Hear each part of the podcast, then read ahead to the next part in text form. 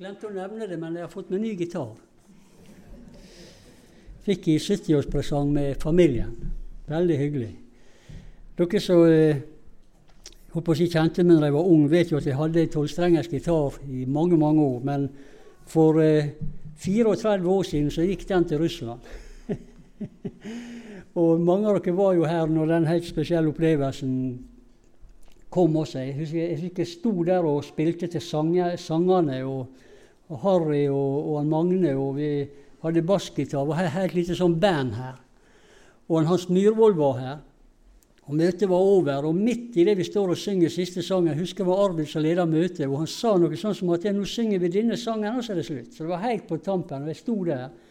Og mens jeg står der, så sier Den hellige ånd Dette tror jeg var første gangen jeg opplevde et kunnskapsord der Gud talte like tydelig som jeg snakker nå. Det var ikke en tanke eller en magefølelse, men han sier helt tydelig til meg når han Hans Myhrvold drar i dag, skal han ha med seg din tolvstrengers gitar. og jeg begynte å strigråte, husker for, for, det var så overveldende, og det var, så, det var et sånt nærvær av Den hellige ånd. Og jeg ble så liten at jeg ble bare stående og gråte oppå det. Og eh, jeg må også innrømme at jeg gråt litt for jeg skulle gi fra meg gitaren min. For det var en, var en fantastisk gitar. Uh, og når møtet var over Bare fortell dette her. Når møtet var over, da han, talerstolen sto her den gangen, så han som satt der, jeg tror ikke han så at jeg sto og gråt. Men han skyndte seg opp her, og det møtet er slutt, og så sier han kan ikke bare få si en ting før vi går hjem. Og så forteller han at det det er en dame borte i Sovjet som har fått inngang på statlig TV. Dette var jo på 80-tallet, under perestrojka, det, denne nye åpninga. Og hun hadde fått inngang på statlig TV for første gang i historien med å, lage kristne barneprogram. Og hun synger og spiller, sier han. Og jeg visste hva som kom, men jeg sto og tenkte kjære Gud, la hun trenge et piano. Jeg sto og tenkte det også, jeg var helt ærlig. Men jeg visste hva hun trengte.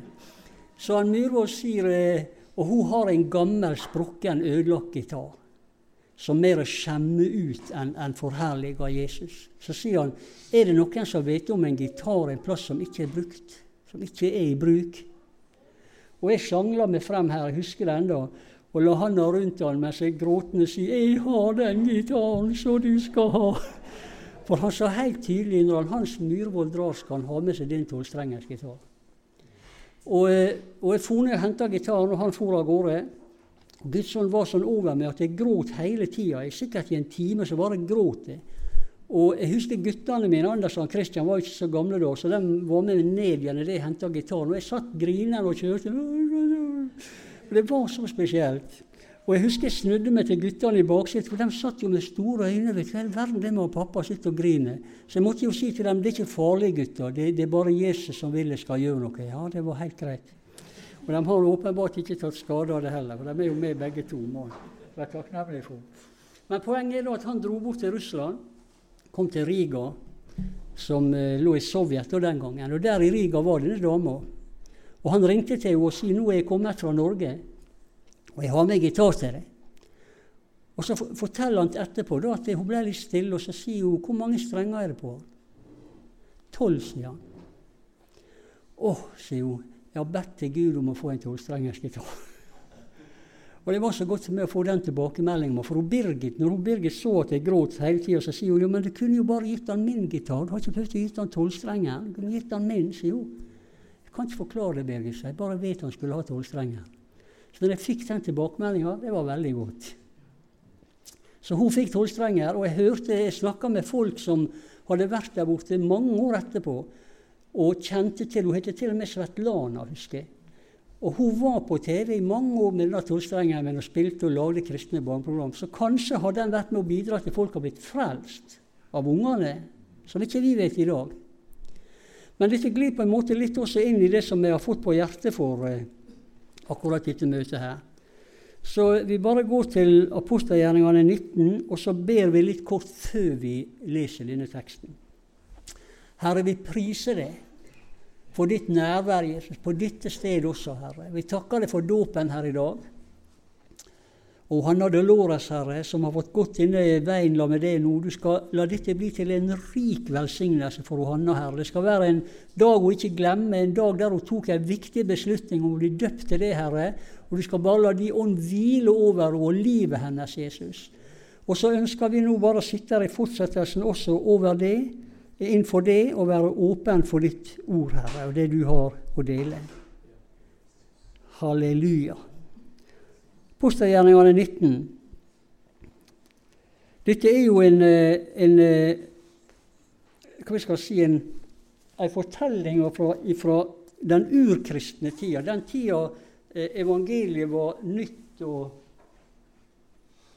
og Dette er på en måte det, det originale evangeliet, helt fra begynnelsen av. Og Vi leser bare sånn. Mens Apollos var i Korint, skjedde det at Paulus kom til Efesus etter at han hadde vandra gjennom de øvre landskapene inn i Tyrkia. Han var egentlig på vei fra Jerusalem. Han hadde vært i Jerusalem og ned i Antiokia. Så dro han vestover igjen og kommer da ned til kysten. Jeg kan bare legge til eh, at dette her er andre gangen han er i Efesus. Han hadde vært der før, prekt evangeliet bare en kort stund. Folk nøda han til å bli værende, men han kjente på å dra videre. Så sa han jeg skal komme igjen en annen gang hvis Gud vil. Og det ville Gud helt åpenbart. Så nå kommer han tilbake til Korint for andre gang.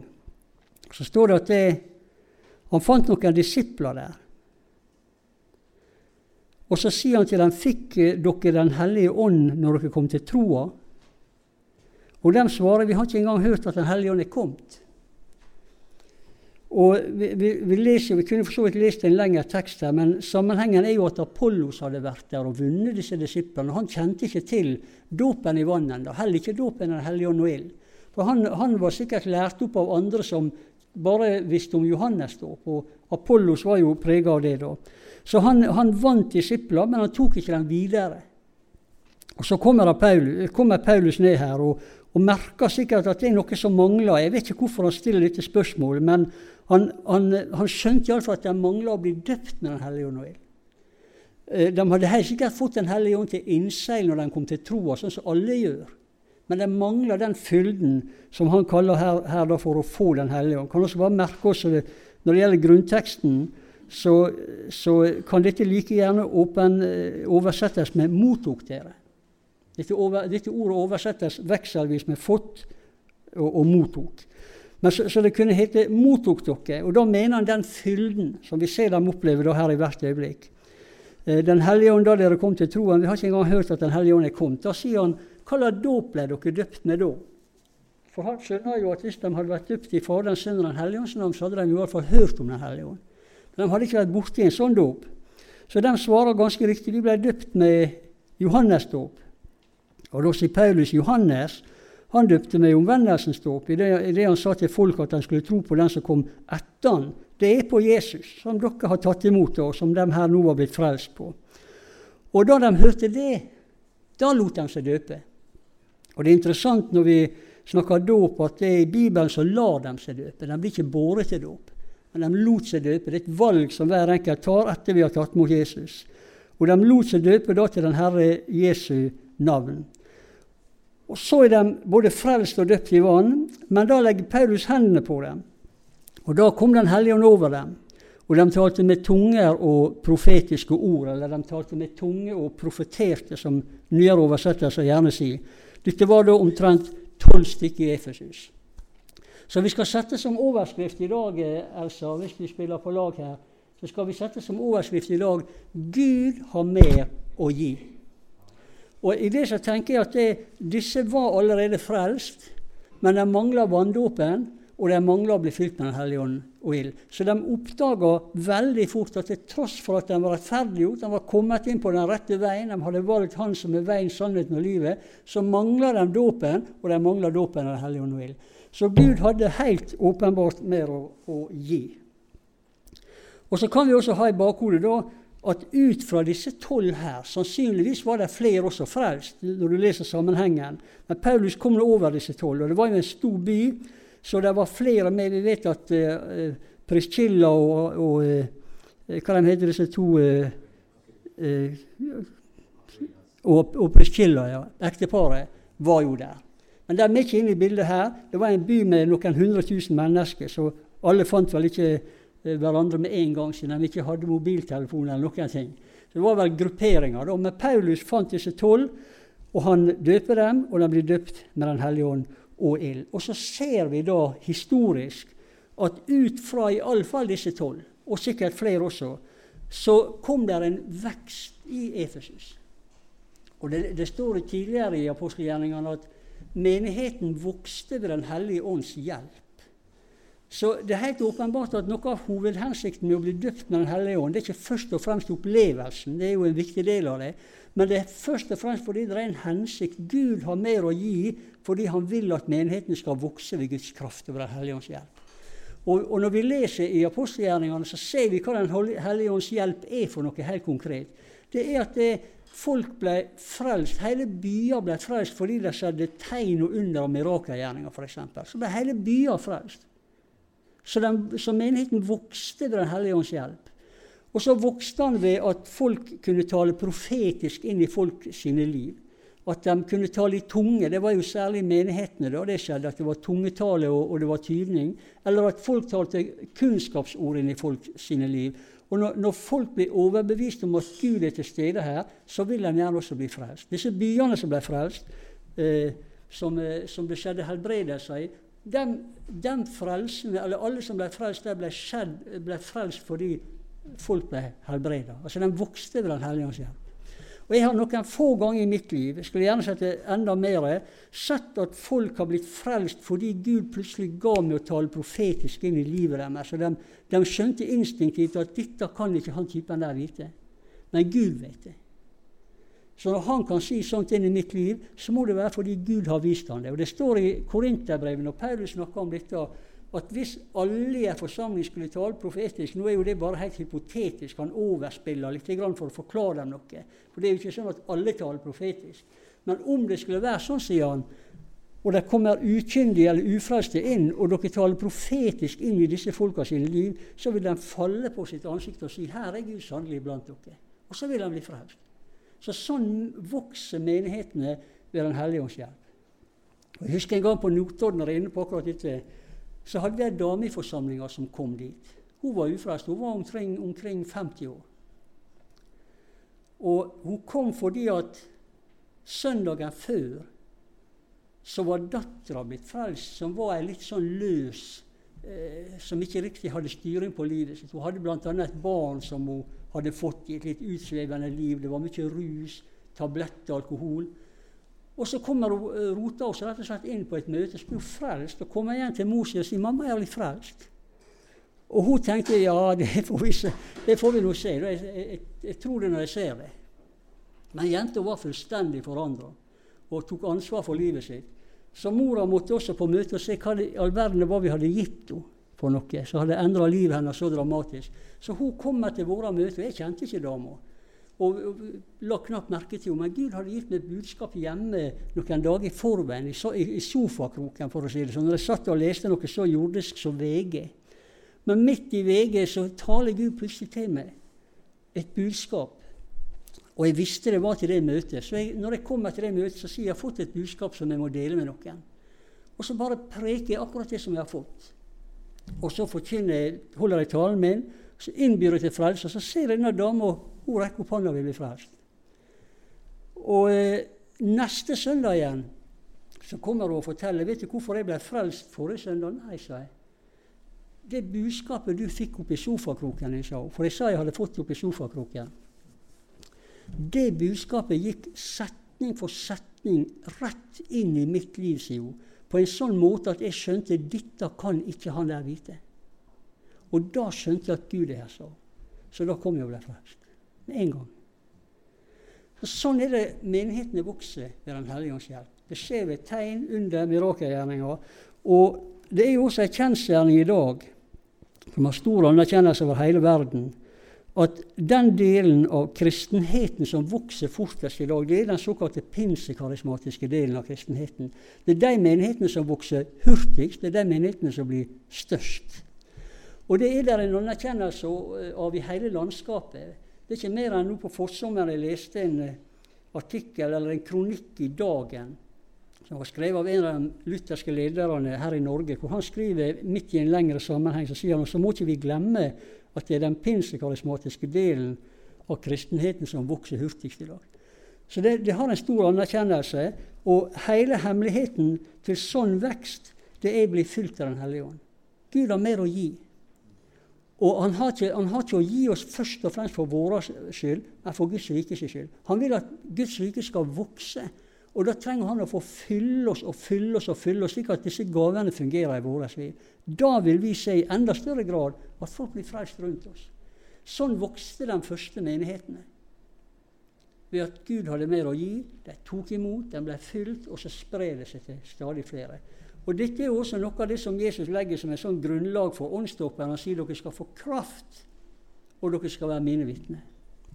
Så brer Guds rike seg gjennom Guds folk som er fylt av Den hellige ånd. Eh, jeg skal være litt personlig. Nå kommer jeg til punkt to. Tre punkt, kanskje. Punkt nummer én det var dette Gud har mer å gi. Det fikk de oppleve i Efesus, og ut fra dem så vokste menigheten. Bare Før jeg nevner dette punkt nummer to, så skriver han eh, godeste Josefus, som var en av de første kjente historieskriverne, som levde ca. 100 år etter Kristus. Han skriver at ca. år 100 så talte menigheten i Efesus 75 000 mennesker. I en by hvor det var eh, noen hundre tusen. Jeg vet jo ikke eksakt det. Men 75 000, da tolv stykker var blitt til 75 000 over, over 30-40 år. Det er ganske fantastisk. Ved Den hellige ånds hjelp så var det mulig. Menigheten vokste ved Den hellige ånds hjelp. Sånne tall ser man også mange plasser i verden. Total overgivelse til Jesus, fylt med Den hellige ånd. Menigheten vokser. Og Jeg pleier også å si, Når jeg preker om Den hellige ånd, så pleier jeg å si at det hovedforskjellen på påske og pinse det er at påska den setter oss i stand for himmelen, mens pinsa setter oss i stand for jorda, for å si det sånn. Så påske, I påska åpner Jesus himmeldøra, men i pinse åpnes døra inn til nådegavene. Så, så påske handler egentlig om det kommende livet, først og fremst, men pinse handler om dette livet. Og Gud har mer å gi for dette livet. Men så da, for å være litt personlig Når jeg var nyfrelst, så var jo jeg lutheraner. Jeg kom fra kirka i Ålesund. Og vi var noen stykker som ble frelst. Det var, det var Jesusvekkelse, og vi kom jo med og i den etter hvert. Og så kom jeg inn i, i pinse, inn i Borgundveien. Og da var jeg begynt å nilese i Bibelen. Jeg måtte finne ut hva er det Bibelen sier om det ene og det andre. Og jeg så jo veldig kjapt at det som vi trodde på og praktiserte i kirka i Ålesund på 60-tallet og slutten av 60-tallet, hadde jo lite og ingenting å gjøre med det som ble praktisert i apostelgjerningene. I den genuine, originale kristendommen. Så jeg så jo fort at Gud hadde mye mer å gi enn vi trodde. Og vi var jo litt, på den tida litt redd for Den hellige ånd. Det var, det var, vi var på en måte opplært i en kristendomsform der vi måtte ikke, måtte ikke ha opplevelser. Det var farlig. Og vi måtte helst ikke føle noe særlig. Det var veldig farlig. Og det var sånn at Vi skulle ikke bare ha begge beina på bakken, men den skulle helst være en meter ned i bakken også. Det var det sikreste. Vi måtte liksom ikke komme ut i ubalanse sånne ting. Men jeg oppdaga jo dette, at når Gud har så mye mer å gi, så må vi søke det Gud har å gi. For Det er jo det som er Guds hensikt med apostelgjerningene og med Åndens dåp, at vi skal få oppleve disse tingene også. Det er ikke noe vi skal verken være redd for eller stikke under noen stol. Så vi begynte jo da noen stykker nyfrelste der, og vi ble lagt hendene på, og vi søkte Gud for Åndens dåp og Åndens kraft. Og Noe av det som hjalp meg veldig i den tida, i tillegg til Bibelen For vi, det var jo først og fremst Bibelen som overbeviste oss, men vi, vi leste ei bok som var skrevet av en som heter Dennis Bennett. Og Den boka heter på norsk 'Gud har mer å gi'. Er det noen som har vært borti den boka noen gang? Nei. Gode pinsevenner leser ikke slikt. Men, men, i alle fall, da. Han her var jo anglikansk prest eh, i England. Og Dennis Bennett sammen med en annen anglikansk prest som heter Michael Harper, som skrev bøker, de ble åndsdøpt begge to. Og den ble på en måte opphavet til den sterke karismatiske veksten som kom i anglikansk og etter hvert i lutherske menigheter i Vesten eller i Europa, og i Norge, som da etter hvert ble til oasebevegelsen. og Det er mye mye rundt akkurat det. Men han denne Spennet her, han skrev en bok som appellerte veldig til meg, for han hadde samme type bakgrunn som meg. Og han skrev om Ånden stå på en sånn måte at det talte til meg som lutheraner. Og jeg skjønte dette må vi også ha. Så jeg begynte også å søke det. Og han skriver da i denne fantastiske boka, må jeg si, at han var Og nå skriver han jo da dette som åndsdøpt anglikaner. Det er sånn som han ser tilbake på den, den tida før. Og da sier han at jeg var en ganske kjedelig prest i ei ganske kjedelig menighet. Med ganske kjedelige gudstjenester, og jeg holdt ganske kjedelige prekener. Det skriver han da i ettertid. Og det var ei relativt lita menighet, mye gamle folk. Og de gikk der, det var sedvane. Men det var ikke noe liv. Men så forteller han en dag så kom det, kom det to gamle damer til kirka hans. Og de satte seg på, på, første benk rett under denne tønna hans som var langt oppå veggen, hevd over alt det andre. Der sto han og holdt disse fine prekenene. Og disse to damene satte seg da på første benk rett under han. Og der satt de med litt sånn kink i nakken og kikka opp på han. Men det som var så merkelig med disse her damene, det var at det, hele preken hans, så satt der og smilte. Og bare, det var jo ingen som gjorde. Men ikke bare det. Men han kunne høre også at de stille kunne si 'Halleluja, brother', midt i preken. Og de smilte, og plutselig så sier de 'Praise the Lord'. Halleluja. Og de var så fornøyd, og de syntes alt var så fint. Så han tenkte hva i all verden er det med disse to gamle damene? Og de kom igjen neste søndag, og de satt der igjen. Halleluja. Praise the Lord. Jeg var så sjeleglad og så fornøyd. Jeg kunne ikke skjønne hva det var med dem. Og Det var litt irriterende for ham, fordi at som god anglikaner så skulle folk være stille under preken. Det var ikke noe å snakke deretter. Men de satt der og priste Gud. Og, og, og når han gikk ut, da, og de forlot kirka, og, og, han hilste jo folk ut i ørene Men disse her to de hilste han så hjertelig. og For en fantastisk preken, broder. Halleluja, praise the Lord. Og han tenkte i all verden er det med dem. Så han inviterte dem, da skriver han i denne boka, til kontoret en dag. For å finne ut hva i all verden det er med disse damene. Jo, da kunne de fortelle at um, We have been baptized with the Holy Spirit. Hallelujah. Praise the Lord. de var blitt gitt med Den hellige ånd. Og han tenkte å, greia. Ut. Han ville ikke høre noe mer. Men de kom igjen. Og de smilte, og de priste Jesus. Så skjønte han etter hvert at det må jo være noe disse har, som jeg ikke har i mitt liv. Og Så inviterte han dem tilbake og spurte dem litt nøyere ut. og de, Noen hadde lagt hendene på dem, og de var blitt fylt av Den hellige ånd. og det, Jesus var blitt så stor for dem, og de var så takknemlige for at de var frelst. og Han forsto litt etter litt at dette må jo jeg som prest i denne kirka også ha. Siden disse damene blir så forvandla med det de kaller å ha blitt døpt med Den hellige ånd, så må jo jeg som prest også ha det.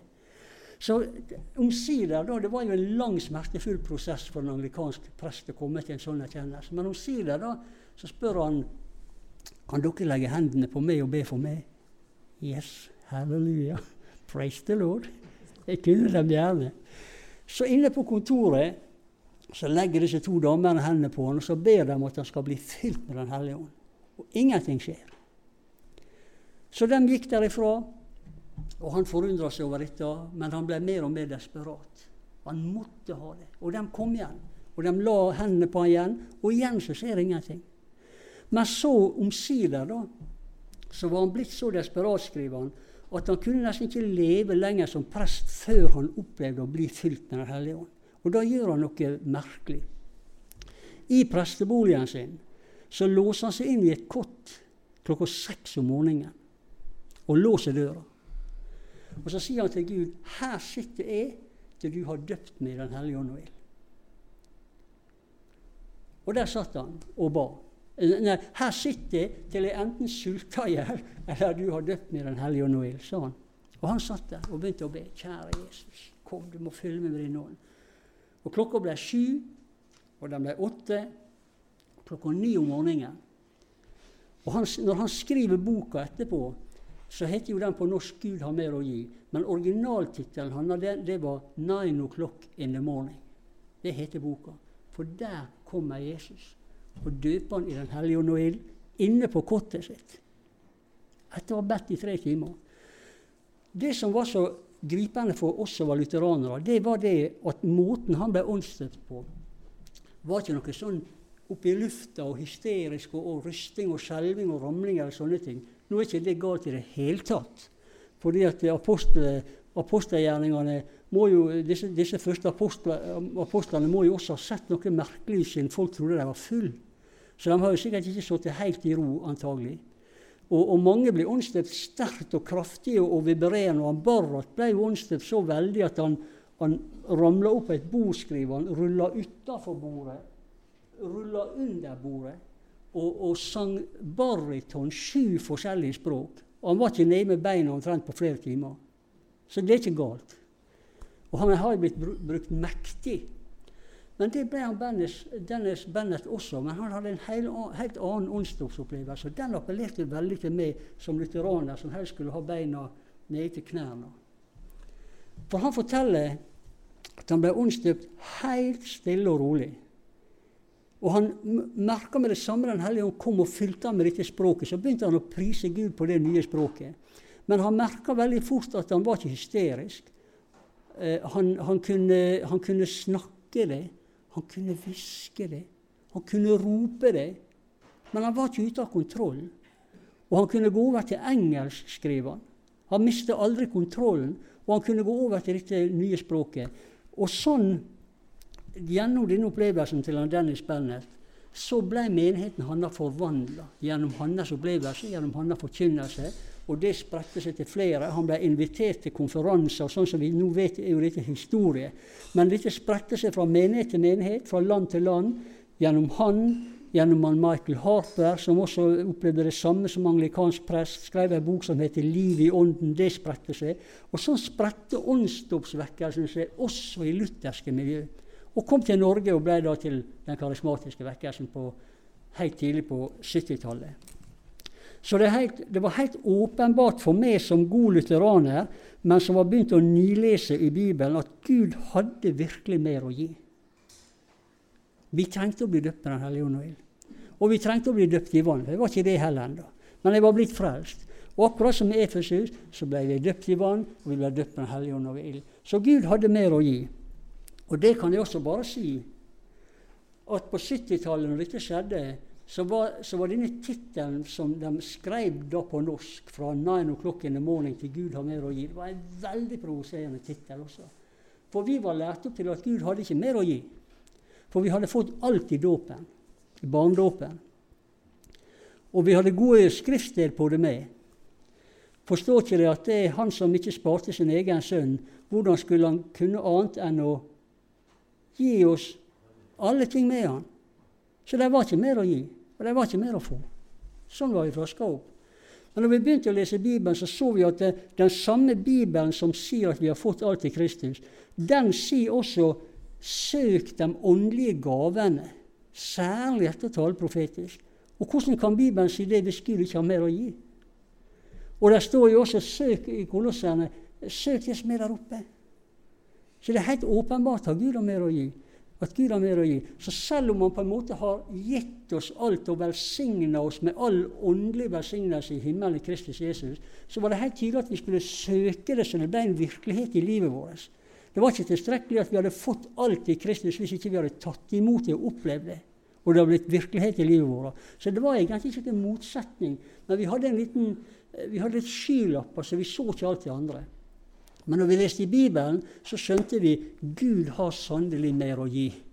Og han vil vi skal søke det.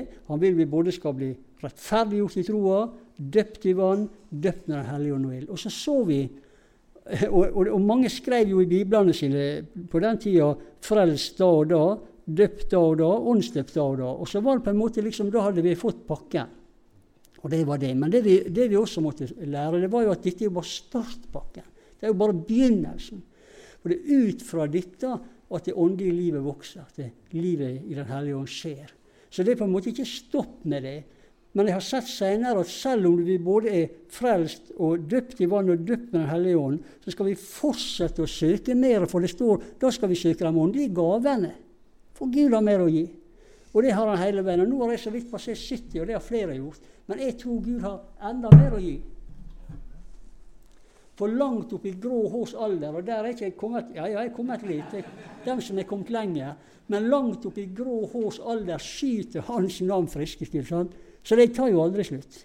Så vi skal fortsette å søke Gud, ikke for opplevelsene, men for vekst kommer ved Den hellige ånd. Folk blir frelst, dramatisk og overbevisende ved Den hellige ånd. Og helt til slutt, og da er det Isaias 55, og dette blir da punkt 3.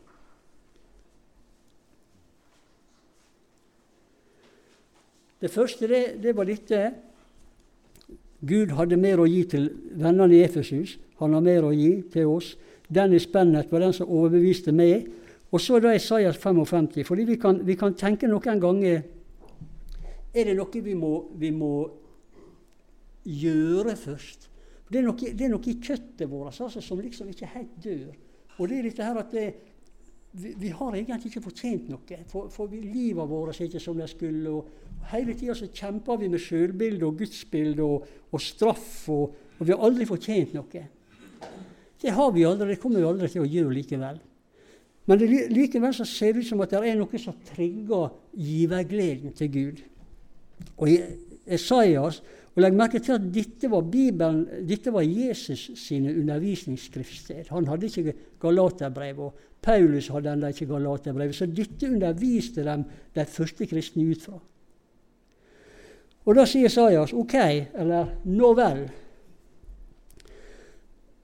De fleste av dere som tørster Nei, skal vi se, nå er det feil. Alle dere som tørster.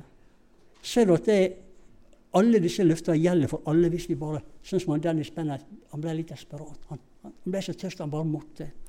Alle som tørster, kom til vannet. Og dere som ikke har penger, kom og kjøp. Et. Ja, kom og kjøp uten penger og uten betaling vin og melk. Vin og melk det, det, har jo tradisjonelt stått for Melka står jo for denne, dette rene uforfalska, som det står. Vi, vi, ser ofte det som et bilde på, på, på rettferdiggjørelsen, mens vin ofte er et bilde på Den hellige ånd og salvelsen av Den hellige ånd. Og Her står det at det er, to ting som på en måte ligger til grunn. Det ene er at vi må forstå at vi trenger ikke penger. Det betyr at det, vi har ikke noe å forhandle med. Vi trenger ikke forhandle noe pris med Gud på dette. her. Dette er uten penger, uten betaling. Kom og kjøp allikevel. Så det er, noe, det er, ikke noe, med at hvis vi bare når et nivå av hellighet, hvis vi har tilstrekkelige gjerninger, så er det kanskje mulighet for å oppnå det. Nei, det er jo forhandlinger, det. Vi forhandler jo ikke med Gud. Gud har mer å gi. Han har ikke mer å forhandle om, for det er ferdig forhandla. Og Gud har mer å gi. Derfor så får du det uten penger. sant? Gud har mer å gi. Men så er det dette her, da. Eh, kom alle dere som tørster. Og Denne undervisninga her den fører, fører, Jesus videre når han står på løvehyttefesten og roper ut om noen tørster. Akkurat dette han har i tankene. Og Han underviser fra Skriften. Så kom til meg og drikk, så skal dere få levende vann. Så skal det flyte sånn som Skriften har sagt strømmer av levende vann. Og Det er særlig Isaiah som skriver veldig mye om det. Men jeg tror det, det er en stor eh, hemmelighet dette at vi må søke med iver. Vi må søke med tørst. Og Jeg husker når jeg ble åndsdøpt, så hadde jeg vært frelst i ti måneder omtrent. Og jeg ble mer og mer og mer desperat. Og jeg var til og med begynt å gå i denne fella. Hva er det som er i veien med meg? Men da er jeg jo inne i kjøpslåinga min eneste gang. Sånn. Hva er det som er i veien med meg? Hva, hva gale er det jeg har gjort som skal være så ille at kompisene mine ble åndsdøpt for ende? Så hva er gale med meg? Så jeg begynte å kjøpslå min eneste gang. Hva jeg kan betale meg. Men jeg måtte bare lære det er gratis, Poggy. Det er gratis. Det er allerede ditt. Det er allerede ditt. Så la hun hendene på meg, og så tok jeg meg blom. Gud har mer å gi. Og jeg tror jeg bare skal slutte likevel av med én ting som kan ha en betydning. Det er ikke sikkert at det det er relevant for dere, men jeg nevner det likevel. Det kan være en og annen som sitter og tenker på sånne ting også. Men jeg husker når jeg, når jeg var på Notodden, og da hadde jeg vært pastor i ganske mange år. Og så satt jeg inne i forstanderboligen og så på en video, en kristen video. Jeg og Birgit. Det var en sterk forkynnende video.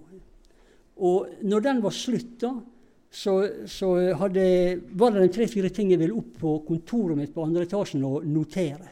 Som pastor så jobber du videre med ting. Kanskje er det noe til menigheten. Så, jeg, så jeg, jeg, lukker døra fra stua og går ut i gangen og skal opp trappa.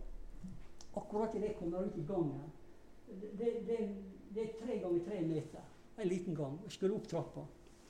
Midt på gangen der så kommer Den hellige loven med bare sånn. Helt uten forvarsel. Og plutselig så viser han meg fire ting i livet mitt som er synd. Bare sånn. Og jeg var pastor for en menighet med over 350 mennesker. Men plutselig så viser han meg fire ting i livet mitt som er synd. Og, og jeg visste om de fire tinga. Men jeg hadde tenkt at det, dette er bare filleting. Det betyr ingenting. Det er så lite. Og jeg hadde kjempa med disse syndene. Og jeg snakker ikke nå om å levere lovgjerninger, men jeg snakker om at Gud vil rense. Det er to helt forskjellige ting fra synd. Så jeg hadde, jeg hadde kjempa med disse tingene der i noen år, men jeg hadde gitt opp. Jeg hadde rett og slett slutta fred med fire små filleting. Enn jeg var pastor. Jeg skulle ha lært bedre enn så. Men jeg, jeg, hadde helt til det, dette lille øyeblikket der, for Gud viste meg noe bare i brøkdeler av sekund. For jeg hadde hele tida tenkt men det er jo heldigvis under blodet. Og det var det. Og jeg hadde tenkt Og jeg er jo ikke frafallen. Det var jeg heller ikke. Og jeg hadde tenkt så ved Guds nåde er jeg på vei til himmelen. Og det var jeg. Men alt dette er jo e- egentlig fra et litt egoistisk ståsted. Jeg ser dette sånn. Det jeg ikke hadde tenkt på, som Gud viste meg der, det var at disse fire tinga der, som til tross for at det var små filleting så jeg, jeg, tror ikke noen mennesker, jeg tror ikke engang Birgit visste om det. Og hun bor jeg med. Men Gud visste det. Og det Gud viste meg, det var disse fire filletinga der. Jeg som piler inn i hjertet på Jesus, som bedrøver Jesus. Det hadde jeg aldri tenkt over. Gjør ikke Den hellige ånd sorg, står der midt inne i et synderegister på hel side i Bibelen. Så sier Paulus, gjør ikke Den hellige ånd sorg. Og jeg ble så flau og skamfull fordi jeg var pastor, at jeg ikke hadde sett dette fra annet enn mitt eget ståsted. At jeg ikke hadde sett det fra Jesus' ståsted. Så jeg ble så skamfull at jeg, at jeg fikk nesten litt panikk. Og jeg kjente at jeg, nå må jeg være alene, så jeg sprang inn på det nærmeste rommet. Og det viste seg Jeg var inne på do. Altså, Jeg tror ikke jeg sansa hva jeg gjorde, men jeg sprang inn på do, lukte døra, og jeg kasta meg nedover do. Og, og der lå jeg bare og gråt av skam innenfor Gud for at jeg hadde bedrøva Jesus uten engang å fatte det. Jeg hadde bare sett det fra mitt ståsted. Jeg er jo på vei til himmelen. Men det bedrøva han. Så der lå jeg i skam og bekjente den ene etter den andre av disse fire tinga. Opp i do, bokstavelig talt. Og jeg gråt det ut. Og jeg husker når jeg trakk i snora, så var det akkurat som jeg skylte det ut i glemselens hav. Men det jeg ikke så før etterpå, og det så jeg ikke komme, det var at etter den bekjennelsen og det oppgjøret av synd som helt åpenbart bedrøver Den hellige ånd, så begynte flere av de åndelige gavene å fungere i livet mitt. Som jeg ikke hadde gjort før. Det så ikke jeg komme. Og det er også ille når jeg er pastor, at jeg ikke så den biten. Men da skjønte jeg Gud vil at vi skal leve liv som, som er omvendelsen verdig. Ikke fordi vi skal bli bedre, ikke fordi vi skal oppnå noe, men det er noe med samspillet i Ånden, hvor Den hellige ånd enten flyter fritt eller bedrøves og kanskje holder igjen gave som ellers skulle ha flytet. For er ikke han en hellig ånd? Trives han i en hestestall full av lort og skit i krokene? Det tror ikke jeg. Men jeg vet at han trives på hellig alter. Og der faller ilden alltid i Det gamle testamentet. Falt på hellig alter.